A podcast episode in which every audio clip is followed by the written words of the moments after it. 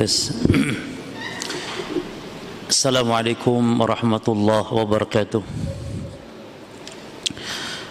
إن الحمد لله نحمده ونستعينه ونستغفره ونعوذ بالله من شرور أنفسنا ومن سيئات أعمالنا. من يهده له فلا مضل له ومن يدلل فلا هادي له. وأشهد أن لا إله إلا الله وحده لا شريك له. واشهد ان محمدا عبده ورسوله صلى الله عليه وعلى اله واصحابه والتابعين ومن تبعهم باحسان إلى يوم الدين وسلم تسليما كثيرا اما بعد Para ikhwan dan akhwat kaum muslimin wal muslimat rahimani wa rahimakumullah Pada pembahasan yang lalu apa yang dijelaskan oleh Syekh Fauzan Hafizahullah yaitu definisi ibadah di mana ibadah kalau secara bahasa artinya al-khudu' tunduk wa al-dhul yakni perendahan diri, penghinaan diri dan ketundukan ya. Adapun ibadah kalau secara istilah adalah apa yang didefinisikan oleh Syekhul Islam. Sebagaimana kata beliau wa arafaha Syekhul Islam bin Taimiyah rahimallahu bi annaha ismun jami'un li kulli ma yuhibbuhu Allah wa yardahu min al-aqwali wal a'mali al-batina wa dhahirah. Yaitu ibadah adalah sebuah nama ungkapan yang mencakup setiap yang dicintai diridhoi oleh Allah Subhanahu wa taala baik perkataan atau perbuatan baik yang da, yang lahir yang batin ataupun yang zahir. Ya. Kemudian sudah dijelaskan pula tentang rukun ibadah. Yaitu ibadah harus tercakup adanya tiga unsur yaitu kecintaan harapan dan takut. Ya. Kecintaan harapan dan takut. Syekh Fauzan menyebutnya dia rukun ibadah. Beliau mengatakan fal ibadatul ma'muru biha tatadammanu ma'na dhulli wa ma'na al-hub wa hiya tatadammanu salasata arkan. Ibadah yang diperintahkan yang mengandung makna azul ketundukan dan makna kecintaan yang mencakup tiga pilar, tiga poin yaitu al-mahabbah cinta, wal-roja harap, wal khawf dan takut. Wala buddha min ijtima'iha maka wajib ketiganya harus ada ketika seorang muslim beribadah. Nah kata beliau kemarin terakhir yang kita baca di sini faman ta'allaqa biwahidin biwahidin minha faqat maka siapa yang beribadah hanya bergantung kepada satu dari tiga unsur tiga poin tadi maka lam yakun abidan lillahi tamamal ibadah. Maka tidaklah dia orang yang menyembah Allah secara sempurna. Ya. Maka beliau memberikan contoh fa ibadatullahi bi al-hubbi faqat. Maka kalau ibadahnya hanya dasarnya cinta saja fahia tariqatus sufiyah maka itu adalah ibadah orang-orang sufi. Wa ibadatuhu birajai wahdahu tariqatul murji'ah. Maka kalau ibadah dengan harap saja maka ada ibadahnya orang-orang mur murji'ah. Wa ibadatuhu bil khawfi faqat ibadah hanya takut saja maka fahia tariqatu al khawarij maka dia cara ibadah atau metode ibadah orang-orang khawarij ya. Taib. Jadi ahli sunnah wal jamaah berarti menetapkan ibadah itu harus terkumpul tiga rukun, tiga pilar, tiga poin, tiga uh, apa namanya, tiga dasar cinta, harap dan takut. Taib. Terus kita baca lagi. Qala al-muallif hafidhullah taala wal mahabbatul munfaridatu dan cinta yang al-munfaridah yang semata-mata kosong anil khudu dari ketundukan la takunu ibadah. Maka dia bukan merupakan ibadah. Ya. Maka faman ahabba syai'an walam yakhdha lahu maka siapa yang mencintai sesuatu namun tidak tunduk kepadanya lam yakun abidan tidak disebut orang yang menyembah tidak disebut orang yang beribadah. Sebagaimana kama yuhibbul insanu waladahu sebagaimana orang mencintai anaknya wasadiqahu atau mencintai teman atau kawannya. Cinta semacam ini bukan ibadah karena kecintaan semata-mata tanpa adanya ketundukan tanpa adanya pengagungan maka itulah yang dimaksud cinta ibadah. Seperti kita kepada Allah. Kepada Allah kita cinta itu disertai dengan apa ketundukan kepada Allah pengagungan kepada Allah. Kama annal khudu'a sebagaimana juga ketundukan saja. Al munfarida anil mahabbah yang kosong tidak disertai dengan kecintaan maka juga sama. La yakunu ibadatan tidaklah termasuk juga ibadah. Sebagaimana apa contohnya? Kaman yakhda'u li sultani au zalimin itu syarrihi sebagaimana orang tunduk kepada pemimpin penguasa ya atau kepada orang yang dolim misalnya orang yang jahat karena menjaga dari keburukannya. Itu bukan bukan eh, ketundukan ibadah seperti itu. Karena ketundukan itu harus dengan dasarnya cinta. Kita kepada Allah demikian. Jadi kita kepada Allah tidak semata-mata takut seperti kita takut kepada penguasa jahat penguasa dolim misalnya atau kepada orang-orang yang jahat dolim kita kan taat tunduknya karena takut saja kalau kepada Allah tidak ia takut kepada Allah, ia juga cinta kepada Allah, ia juga kita tunduk kepada Allah, kita juga berharap kepada Allah. Ya, demikian. Walihada la yakfi. Ya. Oleh karena itu tidaklah cukup ahaduhuma ya tidak cukup salah satunya saja anil akhar dari yang lain fi ibadatillah taala dalam beribadah kepada Allah bal yajibu an yakuna Allahu bahkan wajib atau akan tetapi bal itu bisa terjemahnya tergantung konteksnya ya bisa kalimat sangkalan akan tetapi atau bisa kalimat yang menunjukkan uh, bahkan gitu ya. di sini akan tetapi bal yajib akan tetapi wajib an yakun Allahu hendaknya Allah ahab lebih dicintainya ilal ab kepada seorang hamba min kulisya dari segala sesuatu Ya. Allah lebih cintai dari segala sesuatu. Dari makhluk ini orang-orang kita cintai, orang tua kita, anak kita, keluarga. Ya. Min kulli syai. Wa Allah indahu a'zam min kulli syai. Dan hendaknya Allah lebih agung dari segala sesuatu.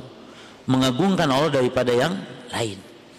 Nah, demikian ibadah kita kepada Allah. Fal ibadatu hiyal ghayatul mahb hiyal ghayatul mahbubatu lillahi wal mardiyatu lahu. Maka ibadah adalah goyah tujuan ya. Tujuan yang dicintai Allah yang diridai oleh Allah wahiyallati khalaqa al khalqa min ajliha.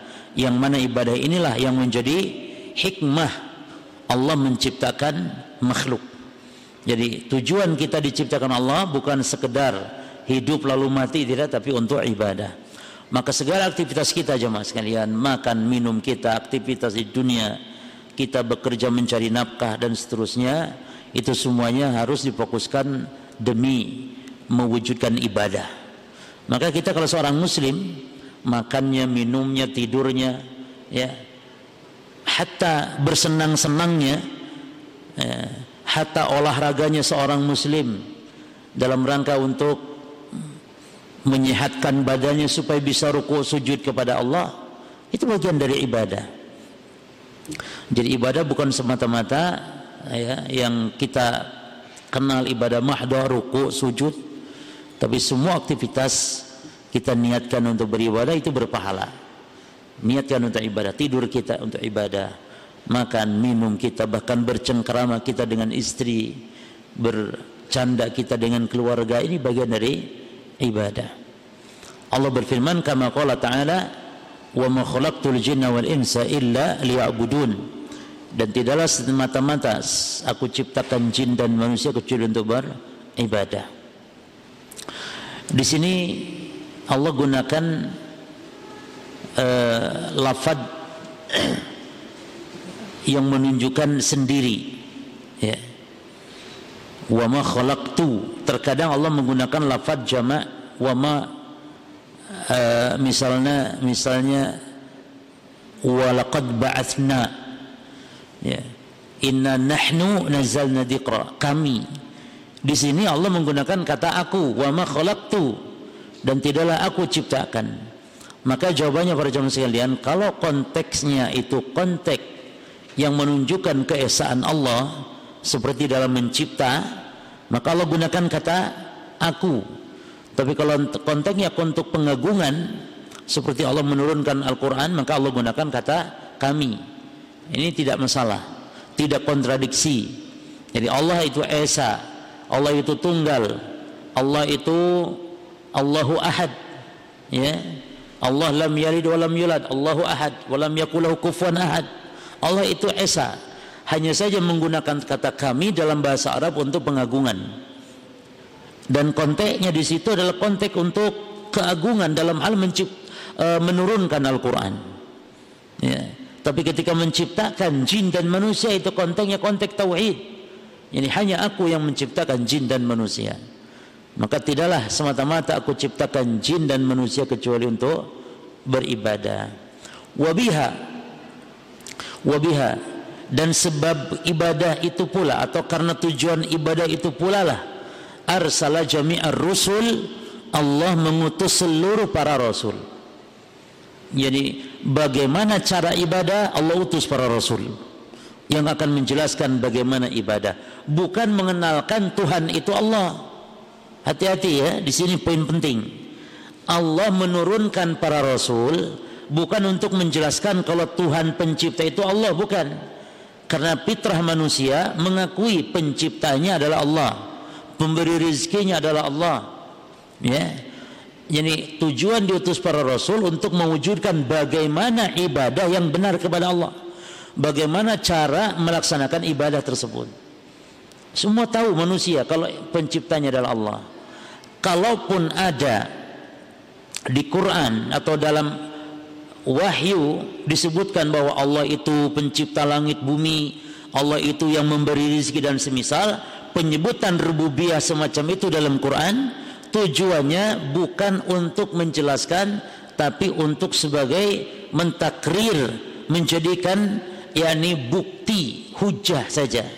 Yakni maknanya sebagaimana kalian mengetahui yang menciptakan menghidupkan adalah Allah maka beribadah kalian harus hanya kepada Allah. Itu. Jadi untuk menegakkan hujah saja, bukan mengenalkan. Abu Jahal sudah kenal Allah. Abu Jahal tahu yang menciptakan adalah Allah, tapi Abu Jahal tidak tahu cara ibadah. Maka diutuslah Rasulullah SAW. Yani bagaimana cara ibadah? Ibadah itu harus dengan tauhid. Nah, Abu Jahal ibadahnya tidak tahu, sehingga ibadahnya campur syirik. Allah diibadahi, selain Allah juga diibadahi. Nah, ini masalahnya maka diutuslah Nabi Muhammad untuk menjelaskan bahwa ibadah hanya kepada Allah. Makanya dalam ayat banyak sekali Allah berfirman wa'budullaha wa la tusyriku wa la tusyriku bihi syai'a. Beribadahlah kepada Allah dan jangan berbuat syirik dalam ibadah. Kalau sekedar perintah ibadah saja, Abu Jahal sudah ibadah, tidak perlu diutus Nabi Muhammad. Abu Lahab, Abu Jahal sudah ibadah hanya saja masalahnya mereka berbuat syirik dalam ibadah. Makanya datang Nabi Muhammad untuk menyatakan wa'budullaha wala tusyriku bihi syai'a. Beribadahlah kepada Allah dan jangan berbuat syirik.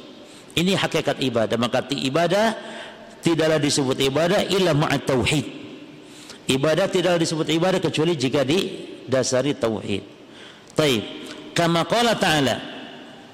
Perhatikan di sini sebagaimana Allah taala berfirman walaqad ba'atsna fi kulli ummatin rasulan an i'budullaha ijtanibu tagut dan sungguh kami telah mengutus pada setiap umat itu seorang rasul yang misi dakwah setiap rasul dari mulai Nabi Nuh sampai Nabi Muhammad kenapa dari mulai Nabi Nuh karena kesyirikan belum ada antara Adam sampai Nuh enggak ada dosa syirik di muka bumi saat itu. Ada dosa membunuh dosa-dosa eh, mengalirkan darah eh, anak Adam bertengkar sampai yang satu dibunuh. Dosa seperti itu ada tapi dosa syirik menyembah kepada selain Allah tidak ada. Maka diutuslah Nabi Nuh dari mulai Nabi Nuh sampai Nabi Muhammad. Itu seluruh misi dakwahnya adalah menjelaskan kalau ibadah itu tidak boleh syirik. Tidak boleh Allah disekutukan dalam beribadah yakni Allah disembah selain Allah juga disembah. Maka Allah berfirman walaqad ba'atsna fi kulli ummatin rasulan an i'budullaha wajtanibu tagut ini dia an i'budullaha wajtanibu tagut yakni agar sembahlah Allah dan jauhi tagut tagut artinya semua sesembahan yang batil selain Allah. Tagut apa artinya banyak makna tauhid cuman di antara salah satu makna adalah setiap sesembahan yang batil selain Allah yang dianya rela ridho untuk disembah. Yang dianya rela ridho disembah. Kalau Nabi Isa kan disembah juga Nabi Isa. Nabi Isa disembah dan itu sesembahan yang batil. Nabi Isa itu sesembahan namun sesembahan yang batil. Setiap makhluk yang disembah selain Allah itu sesembahan yang batil. Tapi Nabi Isa tidak boleh dinamakan togut. Walaupun sesembahannya batil ya. Tapi tidak boleh disebut togut. Karena togut itu adalah man ubida min dunillah wa waradin setiap orang yang disembah selain Allah dianya ridha dianya rela dianya senang. Ya maka Nabi Isa tidak boleh disebut togut walaupun beliau disembah. Dan sesembahan seperti beliau ini walaupun malaikat walaupun nabi orang soleh tetap semuanya sesembahan yang batil. Setiap sesembahan selain Allah apa pun kedudukannya tinggi pun kedudukannya malaikat nabi tetap dia sembahan yang batil. Karena sembahan yang hak hanya satu yaitu Allah. Hanya nggak boleh disebut togut ya Taib. Tapi kalau ada orang seperti di antara ada tokoh-tokoh ahli bid'ah, dia masih hidup saja senang, masih hidup saja dia senang, dicium kakinya, orang sujud kepadanya, masih hidup dia sudah senang ridho. Bahkan ketika matinya dia wasiat nanti kuburan saya, nanti kuburan saya dibuat megah ya dan datangi kalian setiap setahun sekali terus datangi ya nanti karena berkah dan semisalnya ini jelas-jelas yang disebut tauhid ya. Semua yang disembah selain Allah yang dia ridho. Taib. beda dengan orang yang mungkin tidak tidak ridho ya. Seperti banyak wali-waliullah yang ahli sunnah ya. cuma sangat jarang cuma. Sangat jarang ya. Waliullah yang ahli sunnah dan memang semua semua waliullah ya harus ahli sunnah waliullah itu tidak ada yang rela ridho dibuat seperti itu, diagungkan seperti itu, jarang. Tapi justru kalau kita perhatikan, kubur-kubur yang megah dibangun, yang didatangi orang dijadikan kuburan keramat rata-rata kuburan-kuburan dari tokoh-tokoh ahli bid'ah.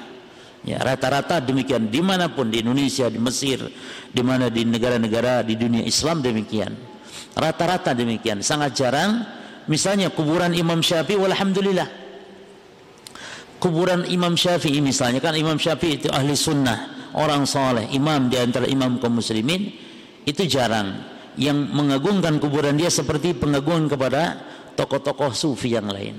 Ya. ini menunjukkan apa? Menunjukkan Allah menjaga memelihara. Baik. Apalagi kuburan Nabi Muhammad enggak ada yang menjadikan dia sebagai kuburan keramat karena Nabi Muhammad telah berdoa Allahumma la ta Allahumma la taj'al qabri wasanan yu'bad. Ya Allah jangan kau jadikan kuburanku berhala yang disembah-sembah manusia. Sehingga Alhamdulillah kuburan Nabi terpelihara. Kalaupun ada orang rukuk sujud di situ tapi kuburan Nabi Muhammad dibentengi dengan tiga lapis benteng yang tebal sehingga orang yang salat di situ tidak langsung mengarah ke kuburan beliau sallallahu alaihi wasallam walaupun dengan masuknya kuburan Nabi Muhammad ke dalam masjid sekarang ini jelas kesalahan. Ya, kesalahan seorang khalifah atau seorang gubernur pada saat itu. Ya, jadi pada masa Khalifah Malik bin Marwan sekitar tahun 91 Hijriah terjadi kesalahan besar kuburan Nabi masuk ke masjid dan sampai sekarang. Namun alhamdulillah walaupun demikian terjaga terpelihara apalagi sekarang pemerintah Saudi Arabia alhamdulillah menjaga. Ya. Baik. Wal ibadatu laha anwa'un katsira. Dan ibadah itu memiliki macam-macam bentuk yang sangat banyak. Kan ibadah itu ada ibadah lisan, ada ibadah hati, ada ibadah anggota badan, ada ibadah harta. Banyak sekali macamnya. Maka definisi ibadah yang disebutkan oleh Syekhul Islam Ibn Taimiyah rahimahullah itu adalah definisi ibadah dari segi macam-macamnya. Ya, dari segi objeknya gitu, macam-macamnya ibadah. Adapun definisi ibadah dari sisi bahasa atau dari sisi yakni etimologi yaitu ketundukan dan penghinaan diri ini adalah definisi ibadah jika ditinjau dari perbuatannya. Jelas ya? Ibadah kalau ditinjau dari perbuatannya maka artinya ketundukan. Ya, al-khudu wa tadallul. Ketundukan perendahan diri kita di hadapan Allah. Antum sekarang ini sedang duduk di masjid, sedang menuntut ilmu syar'i seperti ini, perbuatan antum ini dinamakan antum sedang menghinakan diri di hadapan Allah. Perbuatan antum ini sekarang yang hadir di masjid sekarang sedang melakukan ketundukan, melakukan ketundukan kepada Allah perbuatannya. Namun ditinjau dari jenisnya apa nama ibadahnya? Tolabul ilmi. Tolabul ilmi. Bisa juga antum niatkan i'tikaf. Ya, karena i'tikaf itu para ulama khilaf tentang minimal atau batasannya. Sebenarnya para jemaah itikaf itu niat seseorang tinggal berdiam diri di masjid dalam mereka takarub kepada Allah.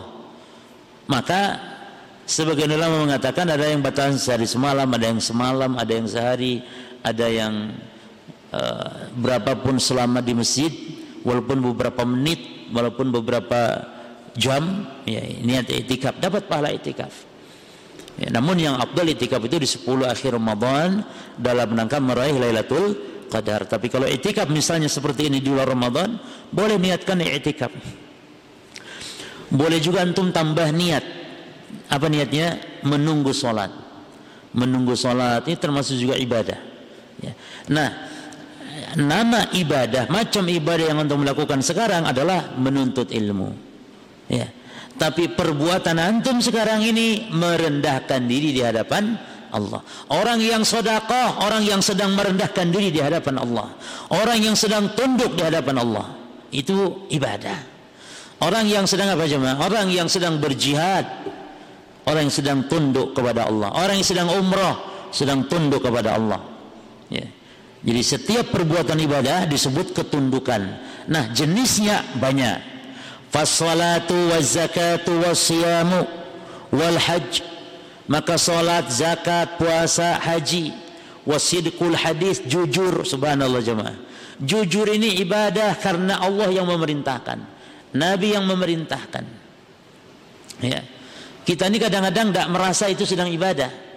Kita ngomong jujur ketika ditanya sama orang dan kita jujur menjawab itu sedang ibadah wadaul amanah ketika menunaikan amanah antum bekerja. Bekerja di kantor ya kawan antum bekerja di kantor. Lalu antum tidak berani keluar tanpa sebelum habis jam kerja itu antum sedang ibadah. Karena menunaikan amanah adalah ibadah. Subhanallah. Jadi banyak sekali macam ibadah. Jangan dipersempit dengan hanya solat dan semuanya harus dasarnya tadi. Dasarnya harus mentauhidkan Allah. Jadi kita hanya berharap pahala dari Allah bukan ingin pujian bos kita atau majikan atasan kita kalau dia seorang karyawan. Tidak. Kita amanah karena ini perintah Allah. Enak. Istri juga mentaati suami ibadah. Dan harus berharap wajah Allah. Ya. Suami walaupun buruk akhlaknya misalnya istri yang beriman tetap taat karena taat suami perintah Allah. Jadi jangan pilih-pilih kalau suaminya baik baru taat, suaminya jahat tidak taat, tetap taat pada perkara yang ma'ruf. Kita juga demikian ke pemerintah, pemerintah jahat kita taat. Pemerintah dolim kita taat, tetap dalam hal yang ma'ruf taat. Tidak memberontak, tidak membangkang itu ibadah. dan kita tidak nyadar kalau itu sedang ibadah. Beda kalau demo, demo itu bukan ibadah. Kemarin ada berita katanya ada uang zakat untuk demo biaya demo. Lah terus dari mana dasarnya uang zakat untuk demo biaya demo demonstrasi memberontak? Dari mana dasarnya? Katanya sabilillah. Nah ini musibah ini. Ya.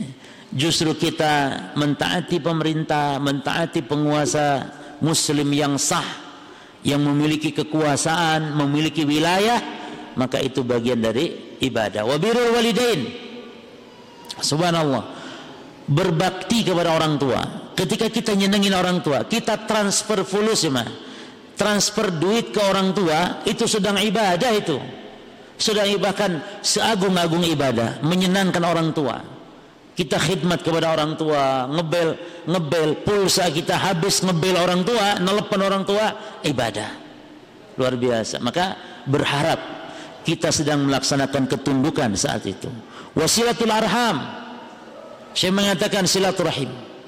Silaturahim artinya berbuat baik kepada yang memiliki hubungan rahim. yakni kerabat jemaah. Dan rahim yang paling dekat itu orang tua kita. Jadi rahim itu yang paling dekat ya orang tua, terus saudara-saudara kita, terus paman-paman kita jemaah. Dan seterusnya yang utama paling utama yang paling dekat kekerabatannya saudara ya tidak boleh putus sama saudara apalagi saling memalingkan muka. Nggak boleh. Ya. Dalam sebuah hadis orang seperti itu akan ditangguhkan ampunannya oleh Allah. Ya. beda lagi kalau kita yang dimusuhi. Tapi kalau kita sudah berusaha baik kita mengucap salam Kan hakikat silaturahim adalah bukan membalas kebaikan, tapi ketika diputus idza qata'ah wa salaha. Ketika diputus kita tetap menyambung. Kita tetap ucap salam kita tetap baik kita tetap ngirim kita tetap memberi hadiah. Walaupun dia membenci kita tetap kita memberi. Bahkan Abdul Sadaqah ila rahimil kasih Sadaqah yang paling besar pahalanya kepada kerabat yang memusuhi kita. Kerabat yang membenci kita. Nggak pernah nyapa nggak pernah salam. Kita kasih hadiah. Itu sodako yang paling afdal. Bahkan boleh kita kasih zakat kalau dia miskin.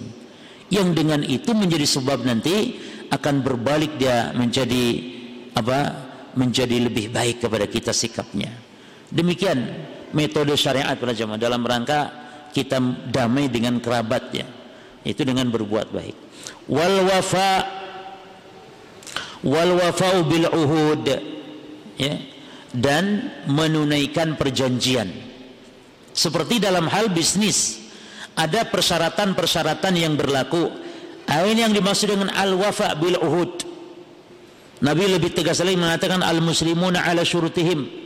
Orang-orang Islam itu harus saling menunaikan persyaratan kesepakatan yang sudah disepakati. Ya, dalam hal muamalah atau dalam hal urusan bekerja. Ya. Misalnya bekerja di sebuah komunitas bersyarat tidak boleh ini, tidak boleh itu, ya harus ditaati selama syarat itu syarat yang mubah yang boleh ya termasuk di antara syarat yang boleh ya. Contoh ya. Kalau wanita mau dikawin sama seorang pria lalu wanita minta syarat supaya nanti suaminya jangan kawin lagi. Boleh tidak bersyarat seperti itu? Seorang perempuan mensyaratkan kepada laki-laki kamu boleh nikahi saya tapi syaratnya tidak boleh poligami. Boleh tidak syarat seperti itu Ajma al jawab semua syarat-syarat yang melanggar syariat maka itu tidak boleh haram melakukan syarat seperti itu nah, bagaimana kalau misalnya kita memberi memberi barang, benda, sepeda motor kepada saudara kita misalnya, lalu kita beri syarat ya, ini rumah atau kendaraannya saya kasih kamu, tapi syaratnya kamu jangan jual. Ada syarat seperti itu. Nah ini syarat seperti tidak boleh jemaah. Banyak fatwa para ulama syarat hibah seperti tidak boleh. Karena namanya barang sudah diberikan, ini yang telah diberi barang bebas untuk mentransaksikan milik dia sudah bahkan justru cenderung dibolehkan untuk memberi atau menjual hadiah yang sudah diberikan Nah, jadi kalau mau memberi jangan begitu ngomongnya, pinjam saja sudah. Ini rumah kamu pakai ya pinjam ya. Berapa? Ya wis pinjam rumah ya sa. Masa seanunya seumur hidupmu gitu? Ya akadnya pinjam gitu loh jemaah. Kalau akadnya hadiah ya sudah. Mau dijual mana urusan dia. Ya. Nah namun kalau istri mensyaratkan suami jangan kawin lagi boleh tidak? Al jawab boleh. Nah suami kalau memang tidak sanggup ya jangan kawin sama dia, cari wanita lain masih banyak. Ya. Tapi mau mau kawin sudah mau niat poligami sama minimal minimal antum caranya gini, kalau ada wanita bersyarat oke, okay, antum iyain saja dulu. Antum iyain saja dulu, oke. Okay. Nanti setelah kawin antum rayu lagi. Rayu untuk membatalkan Ah, syaratnya kasih hadiah emas. Kasih hadiah emas kan seneng wanita dikasih emas. Nah ketika dikasih hadiah, dek, dulu syaratnya kita ini berat dek ya. Gimana kalau syarat itu dicabut gimana? Nah nanti ya mas, ada apa-apa mas. Tapi ojo kawin saya yo, yo. Nah itu baru boleh. Tapi seorang muslim ya harus menunaikan persyaratan yang sudah disepakati. Ini makna al-wafa bil uhud. Lalu wal amru bil ma'ruf wan nahyu 'anil munkar. Termasuk ibadah adalah amar ma'ruf. Subhanallah jemaah. Amar ma'ruf itu ibadah. Dan terkadang kita ngerasa tidak ibadah. Ada orang ya salah misalnya kita datangi kita jangan ngomong di hadapan orang banyak kita datangi ngomong berdua lalu kita mau minta maaf maaf sebelumnya tadi saya melihat antum melakukan ini mungkin apa dasarnya karena yang saya tahu ini adalah perbuatan yang haram ya datangi. Ini amar ma'ruf nahi munkar jemaah. Dan banyak kita yang membiarkan padahal mampu. Kalau tidak mampu nggak masalah cuma kan Nabi juga tidak memaksa. Kata Nabi man ramin kumunkaran falyughiru biyadihi. Siapa yang lihat kemungkaran wajib. Siapa yang lihat kemungkaran wajib cegah dia dengan tangannya. Kalau mampu. Kalau tidak mampu dengan lisan. Tidak mampu lisan minimal jemaah hati kita lo mengingkari Jangan hati kita juga oke-oke saja lihat kemungkaran. Ya. Bahkan kita harus jengkel, marah, tapi kita tidak mampu berbuat, nggak mampu menasihati karena mungkin kurang mentalnya atau, atau takut nanti malah menimbulkan fitnah nantinya. Apalagi mengingkari kemungkaran dengan tangan tambah tidak mampu lagi, minimal dengan hati jemaah. Hati. Nah ini ibadah. Kemudian banyak macamnya. Wal jihad lil kufari wal munafikin. Dan jihad terhadap orang kafir dan orang munafik. Bedanya jihad dengan orang kafir dan munafik kalau jihad dengan orang kafir itu boleh dengan senjata. Ya? Tapi tetap orang kafir pun jangan langsung senjata. Kalau bisa dengan lisan dengan dakwah Kan Nabi pun mewasiatkan kepada prajurit kalau mau perang, Nabi suruh ajak dulu kepada Islam. Nabi seru kalau tidak mau tidak mau masuk Islam, kata Nabi tidak masalah, tapi suruh bayar pajak, bayar jizyah. Kalau tidak mau juga kata Nabi baru perangi. Ini jihad namanya jihad eh, apa nama jihadut talab namanya. Jihadut talab, jihad menyerang ya bagi pemerintahan Islam yang memiliki kekuatan. Itu menyerang. Karena jihad ada dua ada jihad yakni jihad tolab menyerang dan syaratnya harus punya kekuatan kemampuan. Harus punya wilayah harus punya bendera jemaah. Jadi nggak ada jihad dalam Islam jihad tolab jihad menyerang dengan jihad sendiri-sendiri atau perkelompok golongan tidak ada. Jihad itu di bawah penguasa Makanya kasus kemarin atau dulu waktu Ambon, perang di Ambon, itu kan khilaf di antara para ulama dan para asatidah kita di Indonesia. Sampai berpecah belah kan mereka. Sampai timbul ada kelompok ini. Itu kan asalnya khilaf dalam mensikapi jihad ke Ambon. Kenapa cuma? Karena jihad itu kan harus dengan pemimpin penguasa. Ya, walaupun itu orang kafir. Sementara di Ambon yang perang kan saudara kita yang di Ambon, maka yang di luar apa boleh ikut kalau tanpa izin pemerintah? Nah, ini khilaf. Sehingga terjadi akhirnya sampai Ustaz uh, Jafar Umar Talib rahimahullah ya pecah dengan beberapa satira-satira yang lain. Beliau beristihad demikian. Sehingga akhirnya beliau pun akhirnya menyadari kesalahan dan akhirnya membubarkan laskar jihad ya membubarkan setelah. Namun konon walau alam katanya banyak maslahatnya waktu itu. Yani arti untuk kemenangan saudara kita di situ. Hanya saja jihad semacam itu diperselisihkan. Karena jihad itu harus di bawah bendera pemerintah penguasa yang sah. Adapun kalau jihadu ad-dafa jihad yakni defensif yang sifatnya mempertahankan diri membela diri kalau kita diserang tiba-tiba yaitu wajib mampu dan mampu wajib melawan. Ya jadi jihad ada dua macam. Nah ini jihad kafir zaman adapun jihad al munafikin dengan hujjah wal bayan. Dengan hujjah dengan dalil-dalil ya dengan ilmu. Adapun hujjah orang kafir bisayfi was sinan dengan pedang dan tombak ya. Kalau jihad orang kafir dengan pedang dan tombak yang dengan senjata adapun orang munafikin bi al hujjati wal bayan. Taib wal ihsanu ilal haywan subhanallah berbuat baik kepada hewan termasuk juga ibadah bahkan ada wanita yang masuk neraka gara-gara kucing dakhalatil mar'ah an-nar fi hira adzan ya taib Sampai sini ya insya Allah kita lanjut dari macam-macam ibadah. Ya. Ibadah hati, ibadah lisan dan macam ibadah banyak sekali. Kita lanjutkan di pertemuan berikut insya Allah. Wallahu taala alam subhanakallah wa أشهد أن لا إله إلا أنت أستغفرك وأتوب إليك. السلام عليكم ورحمة الله وبركاته.